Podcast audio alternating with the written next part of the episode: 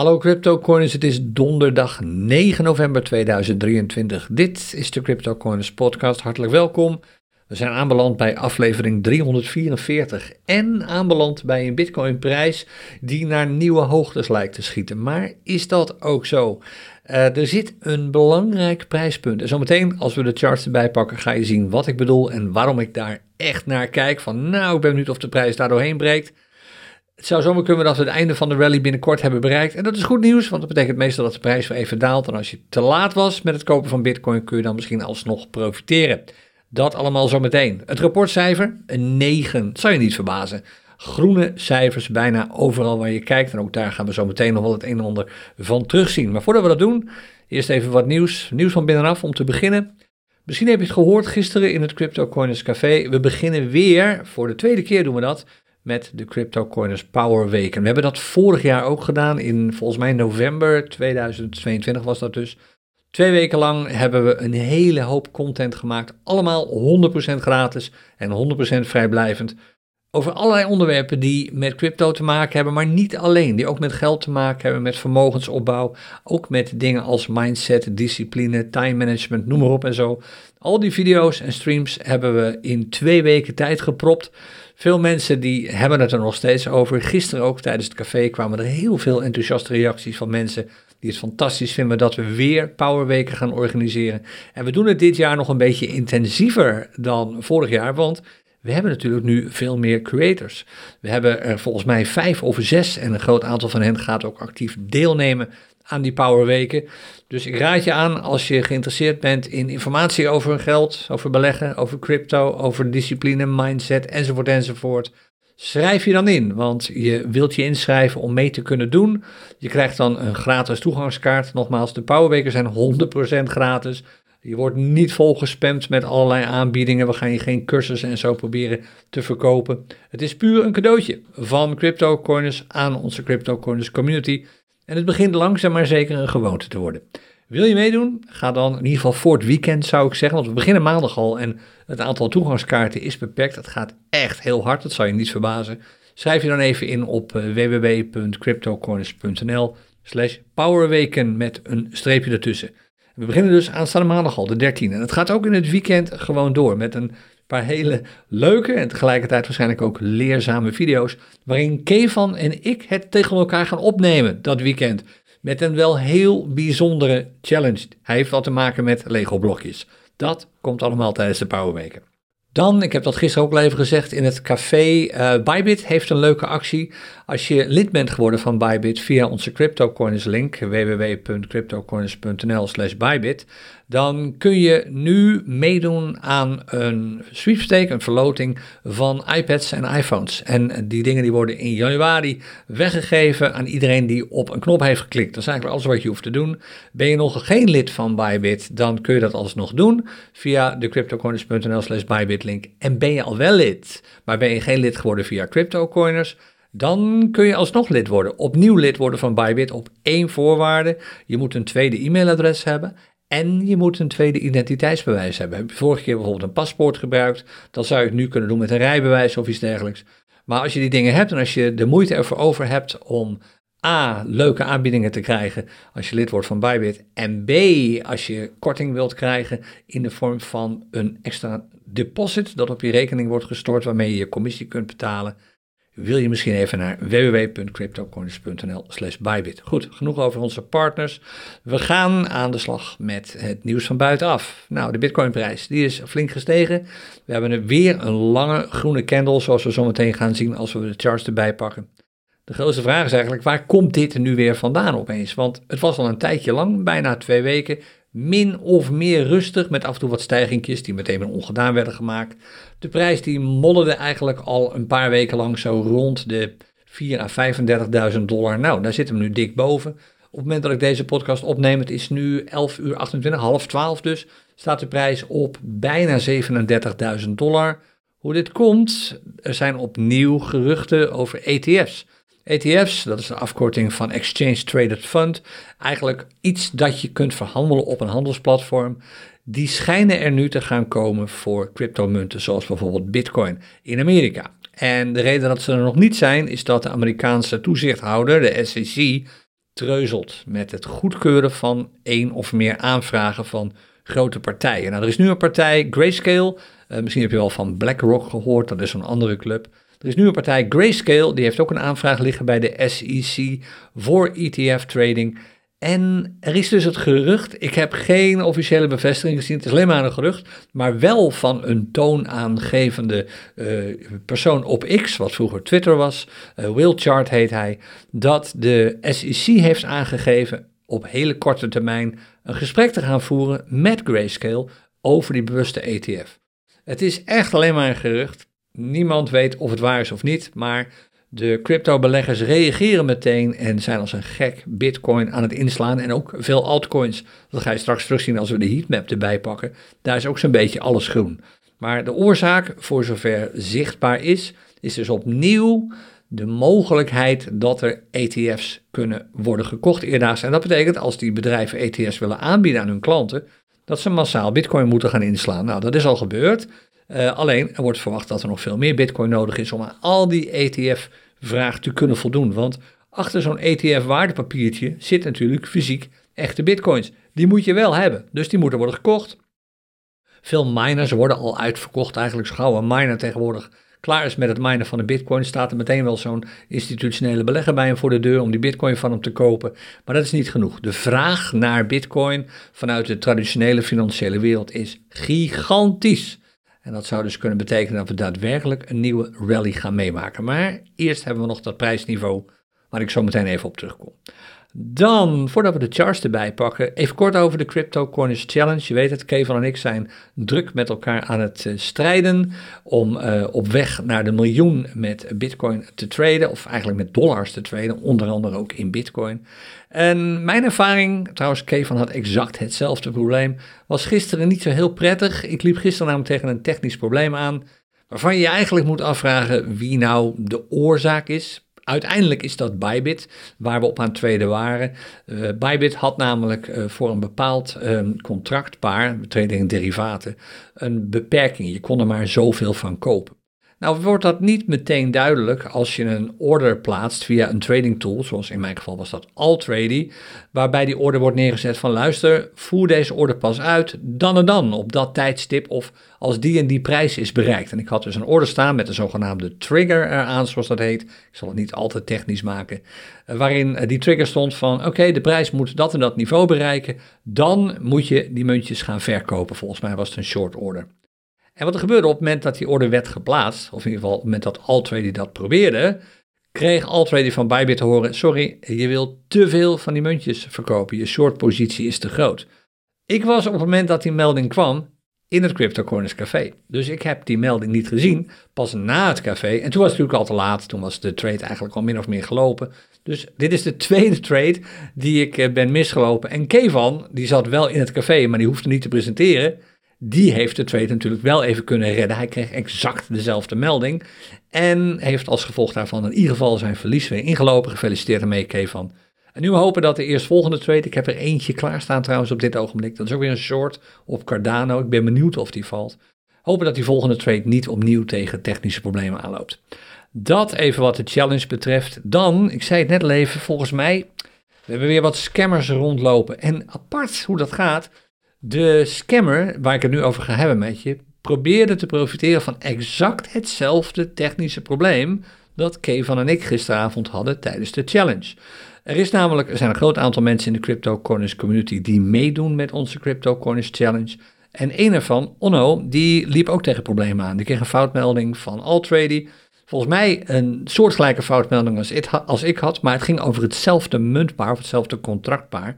En Onno, zoals die heet, die postte, wat ik waarschijnlijk ook zou doen, een bericht in de officiële Telegram groep van Altrady. Van, hé hey jongens, er is iets vreemds aan de hand. Ik probeerde net een contract af te sluiten en ik kreeg deze melding van Bybit. Hoe zit dat precies?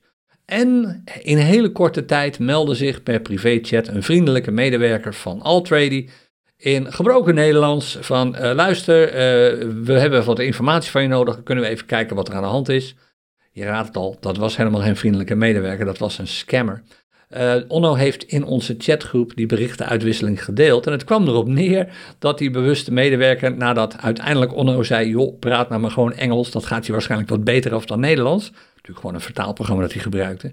Die bewuste medewerker zei: van, ja, ja, je hebt uh, inderdaad, er is een probleem met je account. Uh, dat zien we hier, we kunnen het hier wel oplossen. Je hebt last van bug inflation. Foutinflatie. Nooit van gehoord. En er kwamen nog allerlei andere technische termen doorheen. En Onno dacht bij zichzelf van, wow, ik weet niet wat dit allemaal is.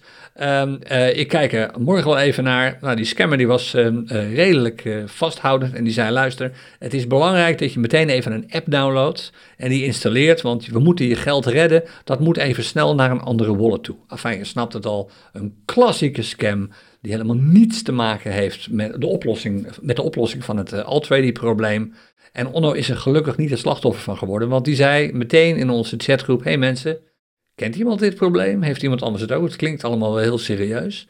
En uh, Onno zei vervolgens tegen die scammer van, ik ga er eerst even rustig een nachtje over slapen, ik kom er morgen wel op terug. Nou, Onno is gelukkig gered, dit had heel erg fout kunnen gaan, maar Onno, die echt niet van gisteren is, die zei: Je ziet hoe makkelijk het is om hierin te trappen. Scammers geven je het gevoel dat je snel moet handelen, dat je meteen wat moet doen, anders is je geld in gevaar, enzovoort, enzovoort. En dit kan echt iedereen overkomen. Het is niet voor niets dat we hier een speciale pagina over hebben gemaakt, de cryptocoiners.nl slash word ik opgelicht pagina. En ik raad je aan om die gewoon toch weer even een keer te bezoeken. Daar staan de vier belangrijkste manieren in beschreven waarin scammers proberen om jou van je geld en van je crypto af te helpen. En hoe meer crypto in uh, de schijnwerpers komt, en je ziet dat nu weer gebeuren, des te actiever die scammers worden. Dus pas alsjeblieft goed op. Twijfel je of iets wel legitiem is of niet, dan is het in bijna alle gevallen niet legitiem. In bijna alle gevallen heb je dan met een scammer te maken. de belangrijkste signalen zijn snel, snel, snel. Je moet snel iets doen voordat je te laat bent. Je moet apps downloaden of je moet mensen toegang geven of je moet sleutels of, of wachtwoorden gaan delen met die zo hulpvaardige helpdesk medewerker. Dat zijn signalen, pas op. En zeker, wat ook in Onno's geval gebeurde, als je per privé chat wordt benaderd door iemand zonder dat je daar eigenlijk om hebt gevraagd, dan weet je eigenlijk al zeker dat het fout zit.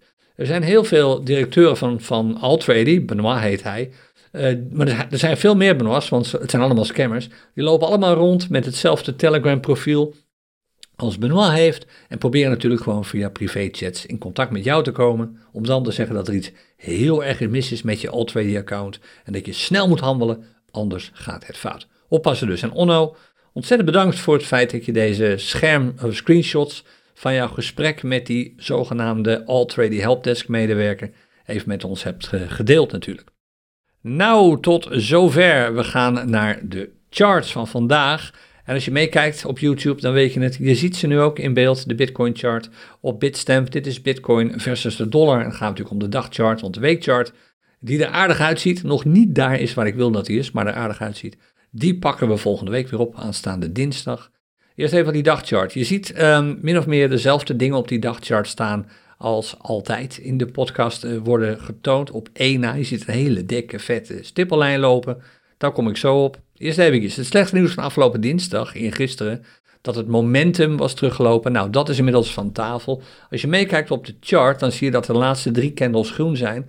En de eerste van die drie groene candles, die was nog min of meer rood op dinsdag, toen we de podcast uh, opnamen.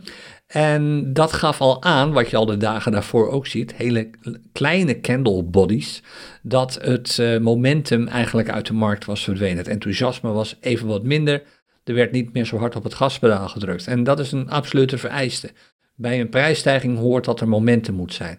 je ziet dat momentum langzaam maar zeker weer opbouwen. Dat begon dinsdag al. Gisteren liep het weer wat terug. Kijk, trouwens ook dinsdag was het niet heel spectaculair. Je ziet nog steeds lange wicks, lange lontjes aan de bovenkant en aan de onderkant van die candlestick. Wat er eigenlijk op duidt, als het aan beide kanten van die candles, van die body zit, van dat uh, massieve vlak, dan duidt dat er eigenlijk op dat er onzekerheid is in de markt. Kopers en verkopers weten het niet precies. als je dat vergelijkt met de candle van nu, nogmaals, die candle is nog in opbouw. Maar als je even kijkt naar die candle van nu, dan zie je dat je een hele lange body hebt De kaars is echt heel lang en er zijn hele, hele, hele korte lontjes aan de boven- en onderkant. Dat geeft aan dat er niet zo heel erg veel onzekerheid is en dat het momentum dus weer terug is in de markt. Het enthousiasme om weer te traden met Bitcoin neemt toe. Zie je trouwens ook op Binance. Ik weet het, wij traden niet meer op Binance, want in Nederland doet Binance het niet meer. Maar als je kijkt naar het overzicht van muntparen in Binance met Bitcoin als basismunt, dan neemt het volume wat toe. En sowieso het handelsvolume op Binance. Het is nog steeds niet spectaculair, maar het neemt wat toe op dit ogenblik. Dat geeft ook al aan dat het langzaam maar zeker allemaal weer wat uh, populairder begint te worden. Daar hebben we lang genoeg op moeten wachten natuurlijk. Maar eerst even terug naar dinsdag. Nou, het momentum is er gelukkig weer. Uh, ook de TD Sequential, die er dinsdag nog niet zo heel lekker uitzag, met volgens mij 23 candles, is inmiddels weer in uh, eer hersteld. We hebben nu alweer vier candles op rij. Uh, de TD Sequential is een hele aparte indicator, dus je moet wel eventjes goed terugkijken, desnoods naar wat eerdere video's erover. begrijpen dat een candle wordt vergeleken met de candle vier posities terug om te bepalen of er sprake is van een opwaartse of een neerwaartse reeks. Nou, we zitten nu weer in een opwaartse reeks die in principe eigenlijk tot 9 gaat. Daarna is de zaak even uitgeput en moet er een kleine correctie plaatsvinden, die hier ook ziet gebeuren. Afgelopen zondag zie je even een rode candle voor de TD Sequential en daarna vervolgens weer een aantal groene candles. En dat is goed nieuws. Misschien hebben we wel weer een reeks van vijf dagen voor ons, zes dagen met vandaag meegerekend, uh, waarin we alleen maar uh, prijsstijgingen gaan zien. Maar nogmaals, dit is niet een concrete prijsstijging, dit is een TD sequential prijsstijging. Ik ga er niet al te zeer op in hier. Als je meer wilt weten over TD, uh, TD sequential, stel dan gewoon even een vraag tijdens het café, aanstaande woensdag bijvoorbeeld. Dan ga ik er daar nog even wat eh, dieper op in. Maar ook die TD Sequential ziet er dus weer goed uit. Ik zal trouwens, ik druk de ongeluk verkeerde knop. Ik zal de TD Sequential Indicator even uitzetten, dat we er geen last van hebben. Dus ziet er allemaal goed uit. Bovendien hebben we een nieuwe trough. De trough van uh, ook weer afgelopen dinsdag is een nieuwe ten opzichte van de trough daarvoor. Is, de, is, de, uh, is het dieptepunt, de swing low zoals het heet, hoger. Dus dat is een bullish signaaltje. We hebben ook alweer een nieuwe piek. De piek, de vorige piek die we hadden was volgens mij die van donderdag 2 november. Uh, die is al lang overschreden door de piek van vandaag. Uh, dat is het lontje aan de bovenkant. Dat is een prijs van 36.864 dollar. Wie had dat verwacht op uh, zo'n korte termijn? Kortom, bullish, bullish, bullish. Ook de unbalanced volume indicator, die er dinsdag niet prettig bij stond. Hij was zelfs negatief toen. Is inmiddels weer bullish geworden. Maar we zijn er nog niet. En ik wil absoluut niet de dorpspessimist zijn die alleen maar roept dat het allemaal weer naar beneden gaat, ook al schijn ik die reputatie te hebben. Ik kijk gewoon naar de charts en zie je die dikke stippellijn die daar staat. Die stippellijn die komt eigenlijk niet van de dagcharts af, die komt van de weekchart af. Dus ik ga even iets geks doen, wat ik niet zo heel vaak doe. Ik zet de, het interval van deze chart even op één week. Zo, daar staat hij. En nu gaan we even een beetje terugscrollen. En dan moet je eens kijken naar die stiplijn. Dus niet naar de pieklijn, niet naar de troughlijn, alleen naar die stippellijn. Die stippenlijnpositie, die wordt, en het is een zone, het is niet een, een, exact punt eigenlijk, die wordt heel vaak geraakt. Hier bijvoorbeeld in de periode van 1922, februari, was dit een supportzone. Kijk, het gaat niet alleen maar over dat specifieke punt, 37.882. Het gaat eerder om de zone. Kijk, hier zie je dat gebeuren in februari 22. Je ziet het ook al gebeuren in januari 22. Toen was het een weerstandszone. En als je nog wat verder terugscrollt, hier zie je het ook heel duidelijk in de periode van 2000. 21, vlak voordat we aan de eerste bullrun, de eerste rally van toen begonnen. Deze zone van rond de 38.000 dollar, trouwens je kunt ook de dagchart terugscrollen, maar dat mij, duurt mij nu in de podcast te lang om dat te doen. Die is heel vaak geraakt in die tijd. Dat betekent dat daar nu ook veel traders klaar zitten. Daar kun je donder op zeggen. Veel traders klaar zitten om op die zone winst te pakken. En dat betekent automatisch dat er liquiditeitsdruk komt en druk van bovenaf. Oftewel, er staan daar veel verkooporders klaar. Mensen willen daar van hun bitcoin af. Dat betekent dat het aanbod in dit prijsniveau tussen de, laten zeggen, tussen de 37,6 en de 38,4, 37.600 en 38.400 dollar.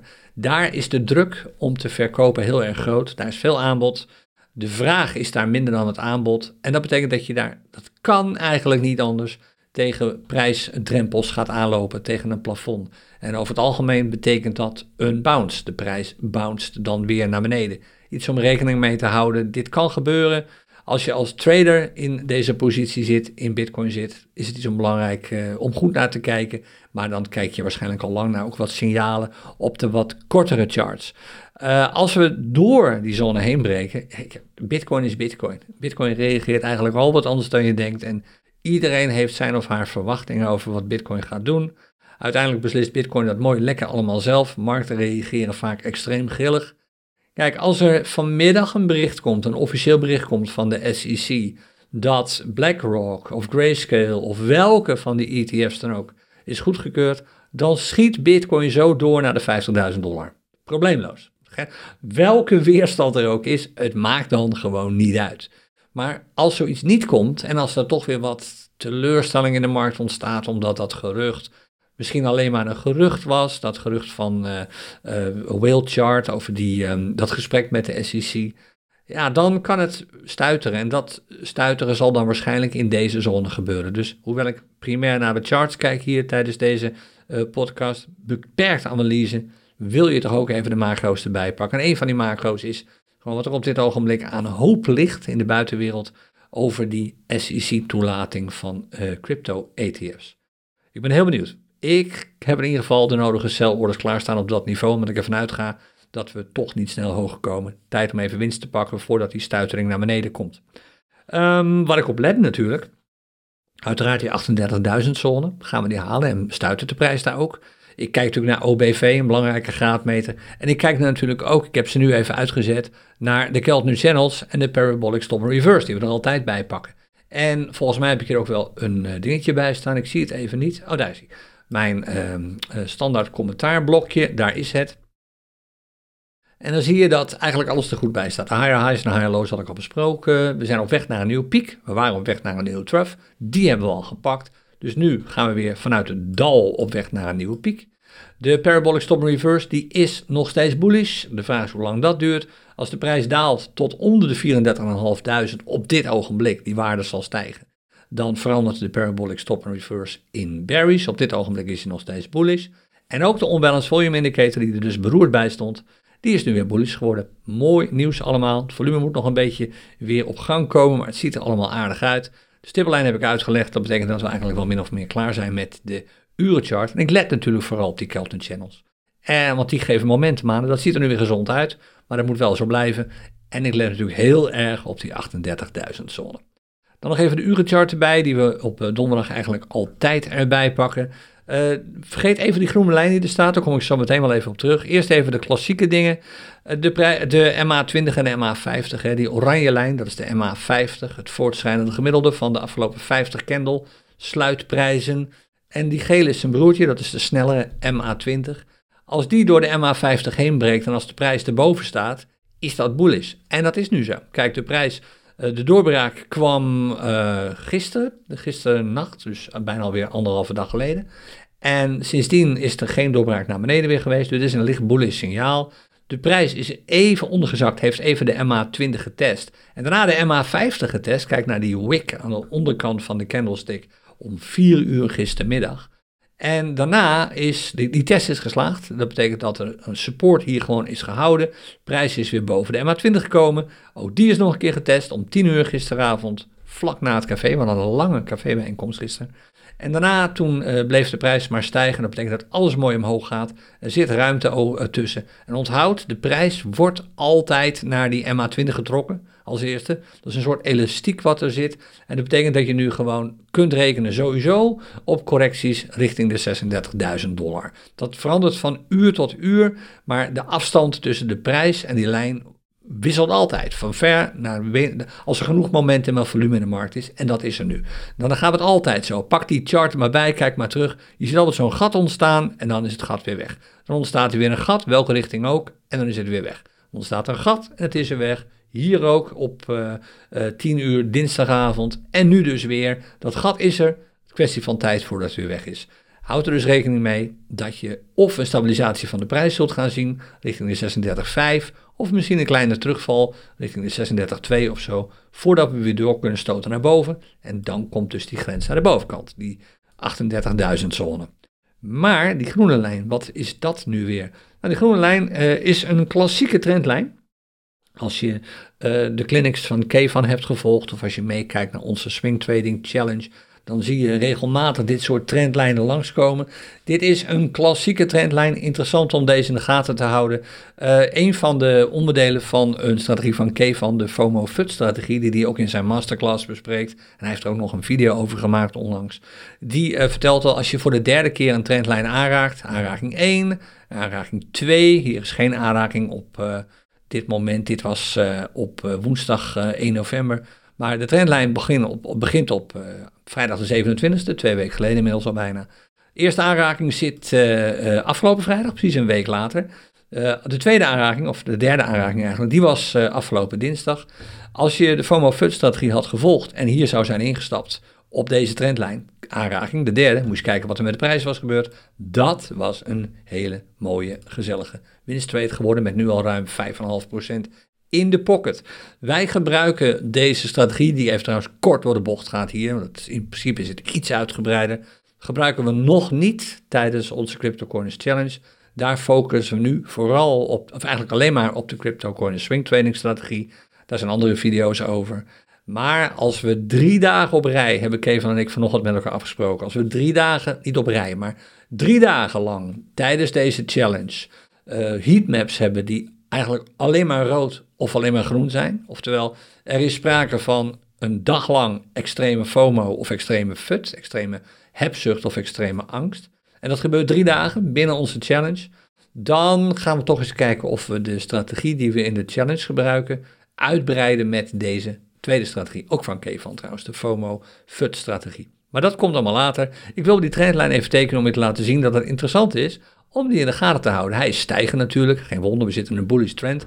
Maar houd die, dat niveau goed in de gaten. Als de prijs op dit ogenblik, eh, als dat vandaag zomaar zou kelderen, en let op, dat zou echt kelderen zijn. De prijs moet dan dalen met volgens mij een procent of zes, ja, 6 procent. Als de prijs zou kelderen naar dit niveau, dan is dat een heel normaal niveau. Als, die, als dat niveau houdt, en de kans is vrij groot, dan weet je dat alles nog steeds gezond is. Het is een leuke trendlijn om te blijven volgen. En je ziet ook waar die heen gaat. Dus vandaar dat ik deze heb getekend. Je kunt hem er ook bijzetten als je dat wilt op je urenchart. Ik vond het leuk om deze ook even te laten zien. Verder de urenchart, allemaal mooi. Het is uh, een goede MA20, MA50. De prijs staat keurig boven allebei. Alles staat op de juiste volgorde. Dit mag nog wel even zo blijven. Hoe is het met goud? Minder goed. Het is allemaal niet uh, spectaculair slecht natuurlijk. Want als je kijkt, zit je wat goud betreft toch mooi in een bullish trend. Je zou kunnen zeggen, hé, hey, hij is technisch gezien bearish geworden. Ja, dan kijk je misschien een beetje te nauwgezet. Je zou kunnen zeggen, hier zit de piek. We zijn nu op weg naar een nieuwe trough. De piek zou dan zitten trouwens op uh, vorige week. Oh nee, weer vrijdag anderhalve week geleden. Nu zijn we even op weg naar een trough. We zien nu wel drie rode candles op rij. En ook de candle van vandaag ziet er niet echt florissant uit. De reden is waarschijnlijk toch drie rode candles bij goud. Drie groene candles bij bitcoin op de dagchart. De reden is waarschijnlijk toch bitcoin. Het feit dat veel beleggers zo gauw die bitcoinprijs echt stijgt. En als beleggers zien wat voor winsten daar ze kunnen pakken. Want eerlijk is eerlijk, uit de aandelen hoeven ze niet te halen. Dan is de kans groot dat ze toch wat goud verkopen ten gunste van Bitcoin. Het zou kunnen verklaren waarom we nu even een kleine pas op de plaats zien van de goudprijs. Zo spectaculair is het allemaal niet. Het is maar, tussen aanhalingstekens, maar 3%. Dat is nog lang geen serieuze correctie. En naar mijn mening is het niks anders dan even dalen naar een trough, naar een dal, om vervolgens weer op weg te gaan naar een nieuwe piek. Niet zo heel spannend dit allemaal. Hoe zitten we dan met Wall Street? Nou, je hoort regelmatig positieve verhalen. Oh, het gaat best wel goed met bepaalde aandelen. Volgens mij Disney post mooie cijfers, enzovoort, enzovoort. Maar het feit blijft gewoon dat um, uh, een aantal dingen niet lekker loopt. Om te beginnen, het banencijfer of de banencijfers, waar we dinsdag al even over hadden, zijn gewoon beroerd op dit ogenblik. Daar zie je aan dat de werkloosheid begint te stijgen, het aantal banen wordt minder. Dat is een recessiesignaal. Of je nou links of rechtsom bekijkt, dat is een signaal waar veel beleggers zich ook zorgen over beginnen te maken. Gaat het eigenlijk wel goed met bedrijven? En tegelijkertijd kijken beleggers eigenlijk veel meer naar wat meneer Powell allemaal doet. Meneer Powell is de voorzitter van de Amerikaanse Centrale Bank. En zoals in Barron stond, dat is een nieuwssite die ik volg. Uh, ik kreeg een mooi artikel van Barron vandaag te zien. Die zeiden van. Uh, het is ongelooflijk in de huidige tijd, als meneer Powell, de voorzitter van de Fed, spreekt, ook al is het op een bespreking die over hele andere dingen gaat, over karpenvis of zo, maar als Powell daar verschijnt en een speech houdt, dan kijkt de hele markt daarnaar. Oftewel, alle beleggers wachten met beslissingen nemen totdat ze hebben gehoord wat meneer Powell heeft te zeggen.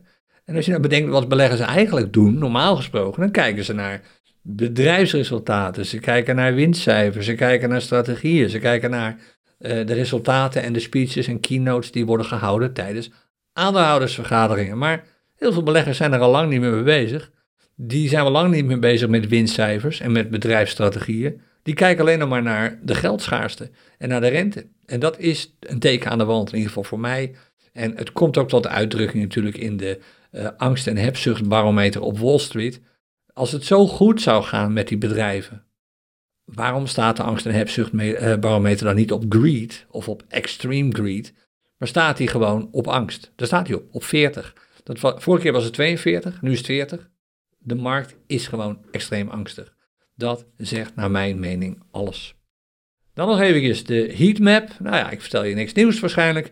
Eigenlijk is alles groen op dit ogenblik. Behalve een paar interessante dingen die opvallen. Stablecoins, de USDT staat een beetje onder druk, gaat nergens over 0,02%. De DAI, de USDC, TUSD en Uni. Dat is een uitzondering trouwens, dat is geen stablecoin. Maar dit is een interessante ton. Als je afvraagt wat ton is, dat is de Telegram coin. En Telegram ken je misschien, dat is het chatplatform dat wij ook gebruiken voor de CryptoCoin scanner bijvoorbeeld, maar ook voor heel veel chats met onze community. En uh, die Telegram munt die bestaat al een tijdje, maar er is nu sprake van een deal met uh, Qcoin of Bybit. Volgens mij is het Bybit, uh, waardoor Bybit, um, als je lid wordt van, ik, ik, kan me even niet herinneren of nou Qcoin of Bybit was. Volgens mij is het Bybit. Als je lid wordt van Bybit, dan krijg, kun je een groot hoeveel, uh, hoeveelheid ton uh, kun je krijgen als je volgens mij 100 dollar koopt of zo, krijg je een enorme airdrop erbij. Nou, het effect daarvan is een beetje uitgeëchoed nu en langzaam maar zeker begint het natuurlijk te gaan over de fundamentals, namelijk is dat ton echt wat waard of niet? Dat is wat je doet als je naar de fundamentals kijkt. Zit er waarde achter de prijs? Gaat dit ergens over met deze munt? En op dit ogenblik aan de prijs te zien, denken sommige van de bezitters van, ah, tijd om mijn winst te pakken. Het is leuk geweest, ik wacht wel eventjes af wat er allemaal gaat gebeuren. Maar voordat je in ton stapt, zou ik je eigenlijk alleen maar kunnen zeggen, wat, wat ik sowieso altijd zou zeggen tegen iedereen, ga nooit af op airdrops. Ga nooit af op het feit dat er een partnership is gesloten met Qcoin of Bybit. Doe gewoon een fundamentele analyse. Kijk, wat is ton? Waar staat het voor? Is die munt essentieel voor Telegram of is het alleen maar een soort aandeel dat je koopt? Voordat je überhaupt overweegt om voor de lange termijn in zo'n munt te gaan. Maar we gaan ongetwijfeld van ton binnenkort nog wel het een en ander horen. Want je weet hoe deze markt natuurlijk reageert op alles wat nieuw is. En het feit dat een chatdienst met een eigen munt komt, hij is er al een tijdje, maar nu wordt het wel heel erg high profile, is op zich natuurlijk goed nieuws. Oké, en dan is het tijd geworden voor het laatste stukje, de CryptoCoins scanner. En je ziet het sinds ik begonnen ben met, hij staat wel iets langer aan. De meldingen vliegen je om de oren op het ogenblik. 361 instapmeldingen. Dit zijn uh, meldingen op een aantal strategieën. Er zijn veel peaks en meldingen op het ogenblik natuurlijk vanwege trend reversals, met name op de wat kortere charts. Maar ook de standaard CryptoCoins strategie meldingen, die zijn niet van de lucht. Geen wonder, want het ziet er allemaal gewoon lekker uit op het ogenblik. Eén ding in de gaten te houden, uh, ik pak zo de barometer erbij, ik tik zo dat die barometeropdracht eventjes. Als de bitcoinprijs stijgt, snel stijgt, zoals je bijvoorbeeld hier ziet, dan blijven de meeste altcoins ten opzichte van bitcoin achter. Kijk, de bitcoinprijs is sinds gisteren met 4% gestegen. Maar de prijs van Ether is sinds gisteren met maar 1,4% gestegen. BNB met maar 1,3%, Ripple met maar 0,2%, Cardano is iets meer gestegen dan Bitcoin, Doge minder. En dat betekent dat al die munten die hier groen zijn op deze chart, of de meeste ervan, zijn rood als je ze zou vergelijken met de prijs van Bitcoin. Belangrijk om dat in je achterhoofd te houden, want het verklaart waarom, en je kunt dat trouwens ook zelf checken, als je de USD hier zou veranderen in Bitcoin. Ik raad je aan om het zelf gewoon een keer te doen. Dan zie je dat heel veel van die munten omschieten naar rood. Maar het verklaart waarom de barometer er waarschijnlijk niet zo heel positief bij staat. Daar heb je hem al. Die kijkt namelijk naar de prijzen van munten in Bitcoin uitgedrukt. En kijk, de gemiddelde prijs van een altcoin, van alle altcoins worden hoop gegooid natuurlijk, in dit geval op Binance. Als je die zou moeten kopen met Bitcoin, dan is het, zijn die munten nu goedkoper geworden. Je betaalt er minder bitcoin voor. Dat zegt niks over de dollarontwikkeling, want normaal is de meeste altcoins gaan prima. Maar niet als je ze met bitcoin moet kopen, want bitcoin in prijs gewoon sneller is gestegen. De afgelopen vier uur is dat gebeurd. De afgelopen uh, dag is dat gebeurd, zoals je ziet. En het afgelopen uur is de prijs min of meer gelijk gebleven. Dat duidt trouwens meestal op een, zoals het zo mooi heet, consolidatie van de Bitcoin-prijs. Dus nog even snel terug naar de urenchart. Wat doet de Bitcoin-prijs op dit ogenblik sinds uh, dit uur is geopend?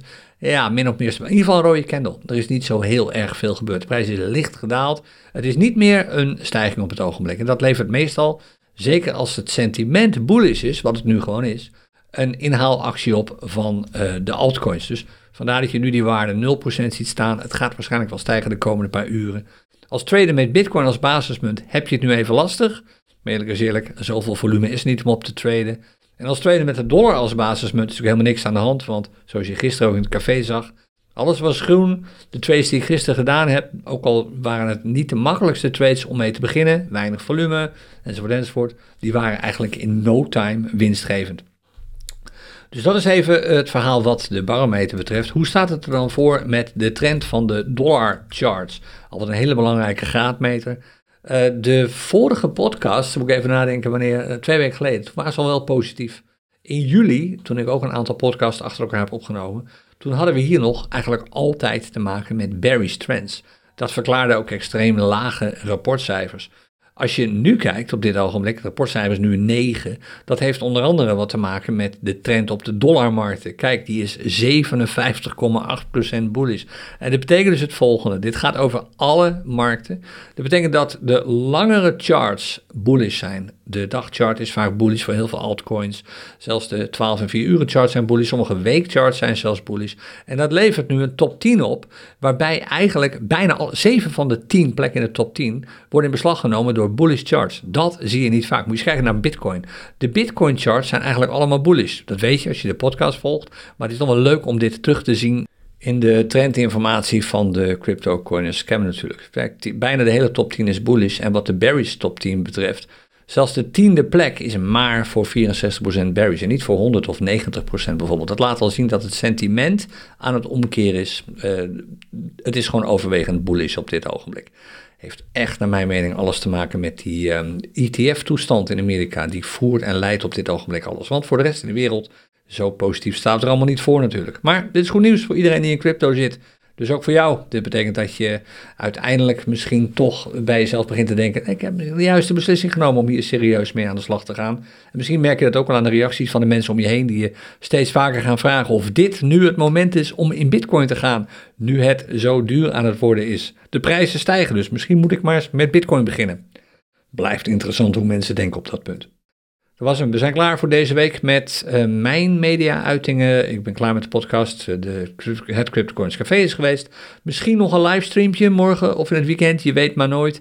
Met uh, mijn voortgang in de CryptoCoins Challenge. En zo niet, dan spreken we elkaar volgende week. Als je erbij bent tijdens de Powerweken, vergeet niet om je nog even in te schrijven. Als dat nog kan, het kan zijn als je dit hoort dat de inschrijving al is gesloten. Maar als dat niet zo is, leuk dat je dat doet. Zie ik je volgende week maandag. En anders volgende week dinsdag bij een nieuwe aflevering van de Crypto Coins podcast. Tot dan, per weekend alvast. Dag.